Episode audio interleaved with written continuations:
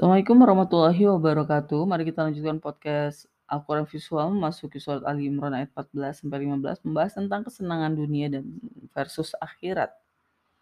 Apa yang dibahas di surat Ali Imran ayat 13? Apa korelasinya? Karena di ayat 13 kita tahu bahwa Allah membahas tentang suatu kejadian eh, dua rombongan yang telah bertemu, satu grup berperang dalam jalan Allah dan lain mereka kafir. Mereka telah melihat mereka semisal dua kali mereka dengan penglihatan mata mereka.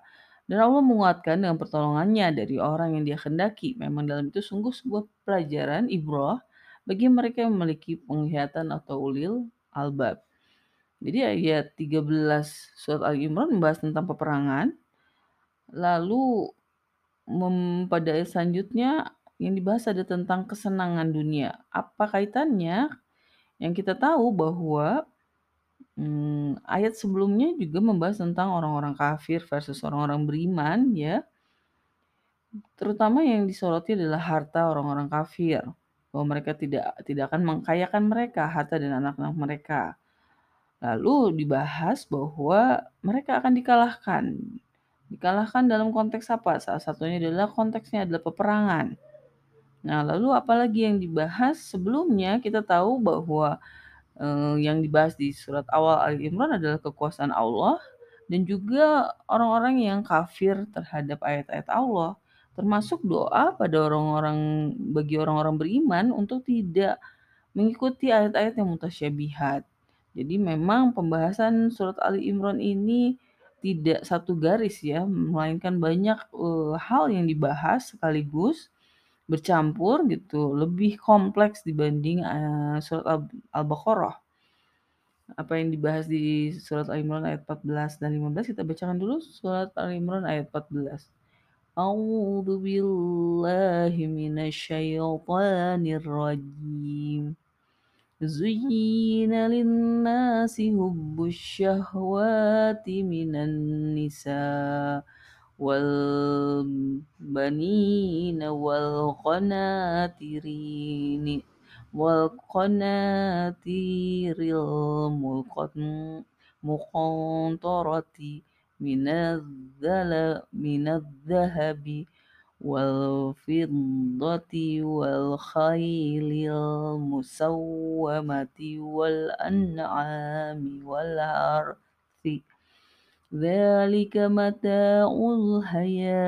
Dunya. Allahu indahu husnul ma'abi. Telah jadikan indah bagi manusia cinta, syahwat dari wanita-wanita, anak laki-laki, tumpukan yang disimpan dari emas dan perak, kuda-kuda pilihan, dan ternak dan ladang. Itu kesenangan hidup dunia dan Allah di sisinya yang terbaik tinggal untuk kembali. Kita bacakan ayat 15. Qul unabbi'ukum bi khairin min dzalikum lilladzina taqaw inda rabbihim jannatun tajri min tahtihal anhar khalidina fiha wa azwajun ridwanum minallah wallahu basirum bil ibad Katakanlah haruskah aku memberitahukan kamu dengan terbaik dari itu? Bagi orang-orang yang bertakwa di sisi Rob mereka surga mengalir dari bawahnya. Sungai-sungai abadi dalam itu dan pasangan-pasangan yang sucikan dan keriduan dari Allah. Dan Allah paling melihat dengan abdi-abdinya. Apa yang kata dan frasa yang telah muncul sebelumnya? Kita akan lihat satu persatu untuk bisa memperdalam pemahaman kita tentang ayat ini. Kita lihat dari kata zuyina. Kata ini maknanya dijadikan indah. Sebelumnya terdapat ayat 212 merujuk pada orang-orang kafir. Sedangkan pada ayat ini pada semua manusia. Ketika orang-orang kafir, apa yang dijadikan indah adalah kehidupan dunia keseluruhan. Nah, kalau di bagi seluruh semua manusia adalah e, tertentu syahwat ya yang merujuk pada hal-hal tertentu. Kata selanjutnya adalah hubbu, kata ini maknanya cinta, sebelumnya dikaitkan dengan harta dengan Allah tandingannya. Pada ayat ini dikaitkan dengan syahwat. Jadi cinta. Cinta ini tentu umum ya. Eh, seperti juga kata-kata lain dalam Al-Quran bisa berlaku kepada Allah maupun pada yang lain. Nah, pada ayat ini dikaitkan dengan syahwat. Tapi seperti apa cinta? Untuk bisa memahami makna dari kata cinta sendiri, kita harus terus berjalan, tapi intinya adalah sesuatu yang salah satunya dikaitkan dengan harta, dengan tandingannya, dan dengan Allah itu sendiri. Jadi manusia itu pada dasarnya punya rasa cinta kepada Allah. Apakah cinta itu seperti yang selama ini kita pahami bahwa ada kesukaan, ada kebergantungan gitu ya. Seperti apa makna dari cinta yang sebenarnya? Ya, kita harus terus mempelajari ya ayat-ayat Al-Quran. Lalu kata selanjutnya adalah Nisa, kata ini diartikan wanita dewasa atau istri. Sebelumnya terdapat di ayat 236, dikaitkan dengan tata cara cerai. Jadi kesenangan pertama bagi laki-laki di sini yang jadi subjeknya adalah perempuan. Begitu pula sebaliknya ya. Lalu wal bayi uh, wal banina.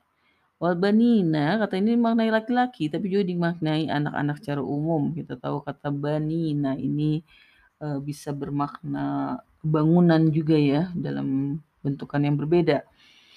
Lalu kata selanjutnya adalah adz kata ini maknai emas. Sebelumnya muncul di ayat 20 surat Al-Baqarah dimaknai mengambil. Nah, apa artinya mengambil? Apakah karena emas itu adalah uh, sesuatu yang murni gitu ya, sesuatu yang tidak ada zat lain gitu atau apa maknanya kenapa di katanya diambil dari kata yang sama dengan mengambil. Men, tidak ada yang tersisa gitu ya. Lalu kata selanjutnya adalah musawwamah. Kata ini maknai bertanda atau pilihan. Sebelumnya terdapat di ayat 273 dimaknai dengan tanda. Mereka merujuk pada orang fakir. Yang terbungkus dalam jalan Allah dikenali dari tandanya. Sedangkan pada ayat 49 diartikan menimpa. Dikaitkan dengan buruknya azab. Sedangkan musam, musawwamah pada ayat ini dikaitkan dengan uh, kuda kuda yang pilihan. Jadi apa makna dari um, pilihan yang sebelumnya diartikan tuh tanda ya, tanda. Jadi um, apa itu maknanya adalah ciri gitu ya, ciri-ciri tertentu. Tapi kalau kita lihat di ayat 49, mengapa kata ini diartikan menimpa? yang dikaitkan dengan buruknya azab. Nah, harus ditelaah lebih lanjut gitu karena memang pemahaman kita terhadap makna suatu kata itu tidak akan selesai sampai kita membahas semua penggunaan kata itu pada ayat-ayat yang selanjutnya ya. Lalu kata selanjutnya adalah wal an'am. Kata ini maknanya ternak sebelumnya muncul dalam bentukan lain yaitu menjadi baik, memberikan kebaikan, kebaikan atau nikmat nikmat ya, nikmat itu sendiri sendiri uh, salah satu bentuk maknanya adalah ternak ya. Ternak itu sendiri adalah bentuk nikmat. Walaupun nikmat tidak melulu berkaitan dengan hal-hal yang berhubungan dengan keduniawian. Ini juga harus menjadi satu uh, bayangan kepada kita gitu ya, walaupun memang ternak itu sendiri adalah sesuatu yang dipersembahkan ya, sesuatu yang disediakan Allah bagi manusia sehingga manusia itu mudah untuk uh, makan, mudah untuk beraktivitas. Ini adalah uh, hal-hal yang harus dipahami. Jadi makanya kenapa ternak itu dinamakan nikmat. Lalu kata selanjutnya adalah warhasi, kata ini waktunya ladang, sebelumnya terdapat ayat 223 dikaitkan dengan perempuan. Sedangkan pada ayat ini dikaitkan dengan uh, benar-benar ladang ya. Kalau di ayat 23 kan dikaitkan dengan permisalan. Permisalan perempuan itu seperti ladang bagimu. Tempat bercocok tanam, sesuatu yang uh, ditanami benih dan menghasilkan suatu hasil ya. Tapi di sini tentu maknanya adalah ladang dalam konteks ladang yang sebenar-benarnya. Lalu kata selanjutnya adalah mata'u, kata ini diartikan kesenangan dan dikaitkan dengan kehidupan dunia Sebelumnya terdapat di ayat 241 dikaitkan dengan, dengan dikaitkan dengan wanita yang dicerai dan pada ayat 36 dikaitkan dengan bumi mataun. Jadi eh, dunia ini memang tempat kesenangan ya. Jadi kalau kita membahas di ayat 36 gitu bahwa ketika Nabi Adam diturunkan dari dari surga, ya Allah menyatakan bahwa turunlah kamu dari surga, gitu kan. Di bumi ada kesenangan, kesenangan. Kesenangan hingga waktu yang tertentu, yang ditentukan. Nah, jadi memang kalau dibicarakan bahwa kehidupan dunia ini pada uh, pada dasarnya adalah tempat tinggal dan kesenangan. Hingga suatu periode, jadi memang sementara gitu kan. Nah, kesenangan itu juga uh, sama seperti ketika membahas tentang wanita-wanita yang cerai untuk diberikan mut'ah, kesenangan ya. Kesenangan. Jadi memang sesuatu yang menyenangkan lah ya, hadiah gitu. Dan di ayat uh, ini berkaitan dengan kehidupan dunia. Al-hayati dunya. Frasa kehidupan dunia semuanya terdapat di ayat 212. Dikaitkan dengan orang yang kafir. Jadi bagi orang-orang kafir yang dijadikan indah bukan cuma kesenangan dunia saja, tapi kehidupan dunia secara keseluruhan. Lalu dahu kata ini dimaknai di sisinya sebelumnya terdapat di ayat 282 merujuk pada tata cara hutang piutang. Pada ayat ini dikaitkan dengan terbaik tinggal untuk kembali. Nah, jadi di sisinya itu maksudnya apa gitu ya di sisi karena kita tahu bahwa e, sesuatu yang ada di sisi Allah gitu kan. Sesuatu yang Allah punya seakan-akan seperti itu ya. Nah, lalu di ayat 282 itu e, beda lagi maknanya gitu karena berkaitan dengan apa sih gitu ya tata cara berhutang itu berhubungan dengan manusia tapi ada juga bahwa apa yang dilakukan manusia juga ada ukurannya di sisi Allah gitu ya. Jadi memang hmm, makna di sisinya itu berarti ada sesuatu yang berkaitan dengan ketentuan-ketentuannya. Nah, memang penggunaan frasa-frasa seperti ini ya jelas kita tidak akan langsung memahami mengapa digunakan kata di sisinya gitu kan bukan hal yang lain yang lebih um, umum misalnya gitu. Karena memang sisi itu kan memaknai bahwa uh, dekat kita gitu ya di sisi kita di dekat kita atau dari sudut pandang kita. Nah itu kan maknanya bisa ke arah situ ya.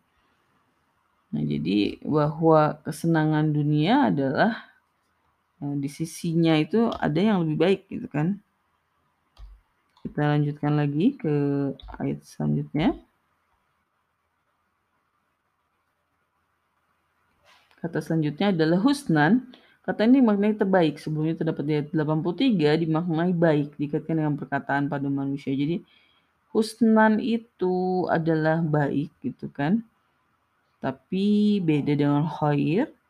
Tapi yang digunakan ketika menyatakan bahwa dan Allah di sisinya terbaik tinggal untuk kembali pakai kata husnan. Yang kita tahu bahwa di ayat 83 surah Al-Baqarah dikaitkan dengan untuk berkata baik pada semua manusia baik dalam konteks itu adalah baik yang husnan.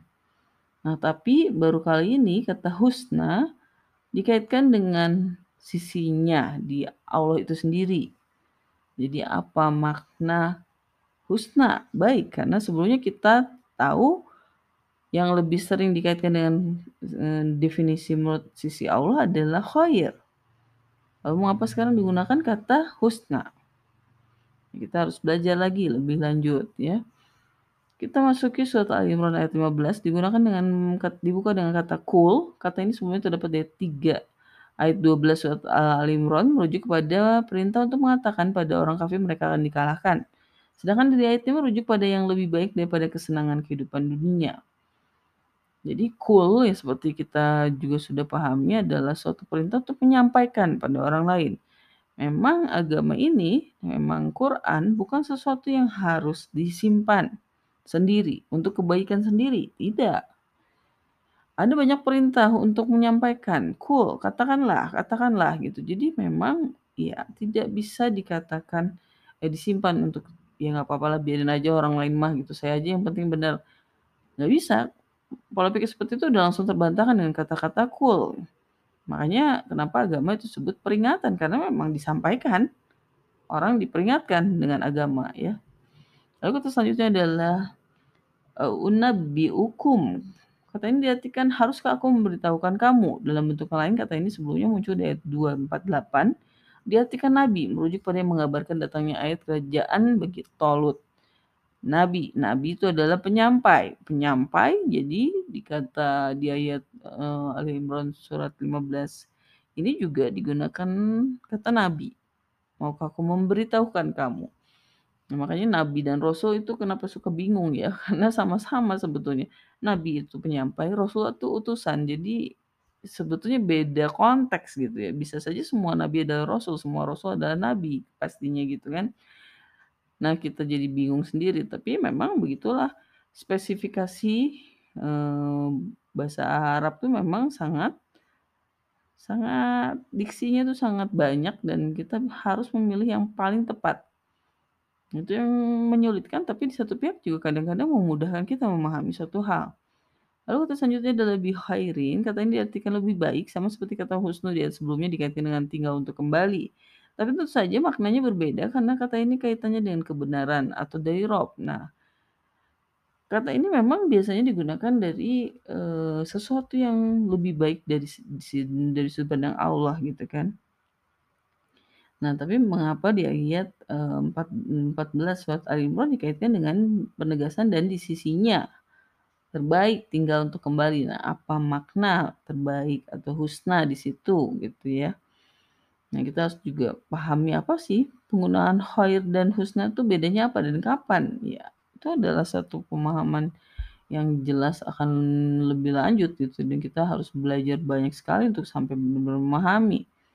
Frasa selanjutnya adalah alladzina taqaw. Frasa ini sebelumnya terdapat ayat 212 surat Al-Baqarah merujuk pada pernyataan tentang dijadikannya indah bagi orang-orang kafir kehidupan dunia. Ladzina taqaw. Jadi di ayat 212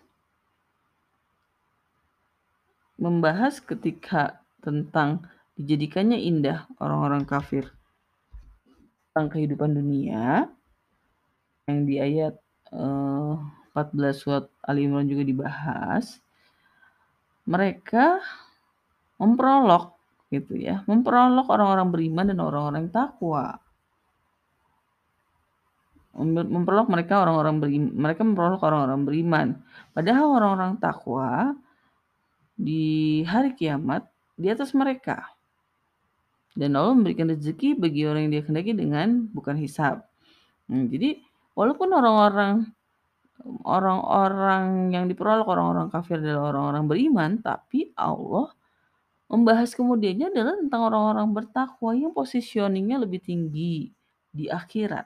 Nah ini tentu bukan sembarang salah gitu ya. Mengapa tadi membahas orang beriman lalu membahas orang takwa? Karena orang beriman itu tidak sama dengan orang bertakwa gitu. Dan orang beriman mungkin lebih mudah diklasifikasi, dikelompokkan daripada orang bertakwa karena beriman itu lebih nyata, lebih gampang di, dilihat. Sedangkan takwa itu adalah tahapan selanjutnya dari keimanan. Walaupun jelas tidak mungkin menjadi orang bertakwa tanpa beriman. Nah, pada ayat 15 surat Ali Imran ini Liladina taqwa dikaitkan dengan eh, sama-sama dikaitkan dengan kesenangan ya. Kesenangan dunia. Jadi ayat 212 dengan ayat Al Imran ini masih ada kaitannya. Hanya saja di sini eh, dijelaskan bagi orang yang bertakwa balasannya eh, apa gitu kan. Nah, sebetulnya sama di ayat 212 juga kan dibahas bagi orang-orang yang bertakwa di atas mereka hari kiamat, di atas orang-orang kafir hari kiamat. Tapi nggak dibahas balasannya apa gitu kan. Nah, bedanya di ayat 15 surat Al-Imran itu dibahas balasan bagi orang bertakwa itu apa. Nah, kita lihat dari Inda Robihim, frasa ini sebelumnya terdapat ayat 277 dikaitkan dengan pahala bagi orang beriman, beramal soleh, mendirikan sholat, memberikan zakat, pada itu dikaitkan dengan orang-orang bertakwa.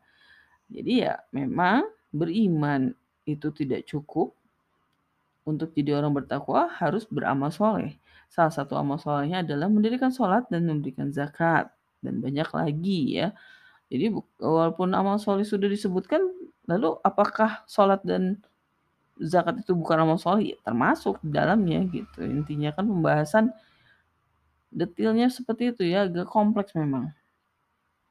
Lalu fase selanjutnya adalah jannatun tajri min tahtihal anhar khalidina fiha wa azwajum mutahharah. Frase ini sebelumnya terdapat di ayat 25 surat Al-Baqarah dengan susunan yang sedikit berbeda. Penggabungan tiga frasa dan ada kata yang hilang. Jadi kita bisa lihat bahwa di dalam surat Al-Baqarah ayat 25 ayatnya berbentuk jannatil tajri min tahtihal anhar. Nah, itu sama ya. Sama frasanya. Walahum fiha azwajum mutahharah. Nah, ini di ayat 15 surat Al-Imran ditaruh di belakang. Wa azwatu wa azwajum mutahharah. Wa hum fiha khalidun. Nah, pada ayat surat Ali Imran ditaruh di tengah. Jadi susunannya tidak sama persis tapi intinya sama mendapatkan hal yang sama. Siapa yang dibahas di ayat 25 surat Al-Baqarah ya orang-orang beriman dan beramal soleh. Nah jadi kan beriman dan beramal soleh ternyata adalah definisi orang bertakwa. Jadi itu yang maksudnya definisi orang bertakwa. Dan mengapa di ayat Al-Imran ditegaskan terlebih dahulu ada kekekalannya? Karena dibahasnya adalah tentang kesenangan dunia yang sementara.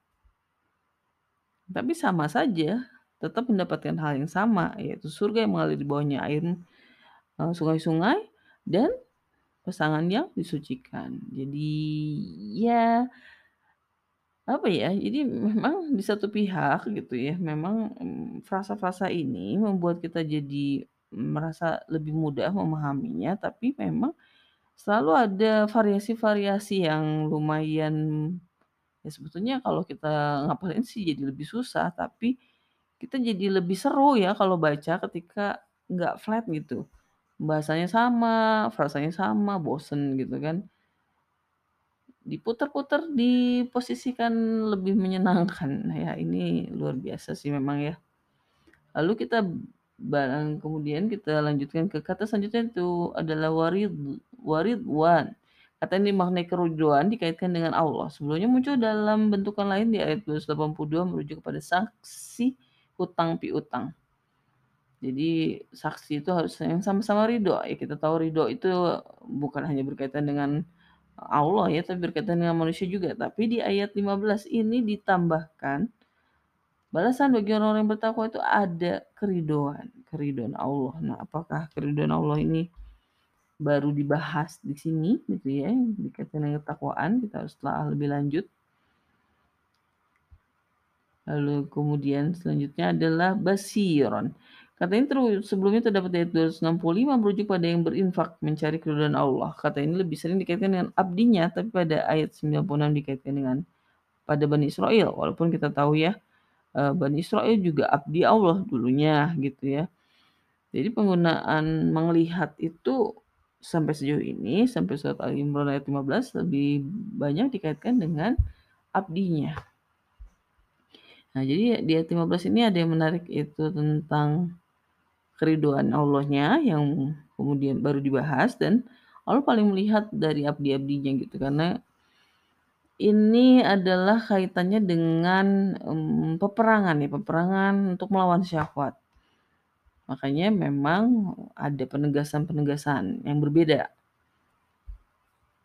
dari sekadar beriman dan beramal solehnya pernyataannya gitu kan. Kesimpulannya, sedang kehidupan dunia secara keseluruhan menjadikan indah bagi orang-orang kafir. Jadi orang-orang kafir itu tidak fokus pada uh, syahwat yang dijadikan indah seperti wanita, anak, tumpukan emas dan perak, kuda pilihan ternak dan ladang. Mereka bukan hanya fokus pada hal itu, tapi pada keseluruhan kehidupan dunianya. Mereka benar-benar menganggap kehidupan itu tidak ada kehidupan yang lain kan. Bagi mereka ya udah kehidupan dunia itu adalah kehidupan yang segalanya dan mereka kayak tersesat di dalam kehidupan dunia dan merasa semua hal dari dunia ini adalah indah. Nah, sedangkan kalau orang manusia keseluruhan sebetulnya uh, ketertarikannya hanya pada hal-hal tertentu gitu. Seperti syahwat yang disebutkan adalah wanita, anak, tumpukan emas dan perak, kuda pilihan, ternak dan ladang. Nah, semua manusia pasti suka ya kan? Semua manusia pasti suka. Nah, bedanya dengan orang kafir adalah mereka benar-benar kehilangan orientasi, tidak membutuhkan kehidupan lain. Nah, Allah memerintahkan orang beriman untuk mempertanyakan pada manusia apakah mereka ingin yang lebih baik dari itu semuanya. Jadi memang untuk orang beriman jelas ada filter untuk tidak mencintai syahwat berlebihan. Itu dia menawarkan orang-orang bertakwa surga yang mengalir dari bawahnya sungai-sungai abadi dalam itu, kekal dalam itu, dan pasangan yang disucikan dan keriduannya. Nah, kenapa pasangan itu menjadi menarik? Karena ya di dunia kita pun senang punya pasangan dan banyak orang mencari pasangan walaupun tidak semuanya bertemu dengan pasangannya. Jadi yang ini yang dijanjikan nanti di surga pasti akan mendapatkan pasangan. Karena ya semua manusia juga pasti ingin punya pasangan gitu kan. Dan ditambah dengan keriduannya. Seperti itu pembahasan surat Ali Imran ayat 14 sampai 15. Kita akhiri. Assalamualaikum warahmatullahi wabarakatuh.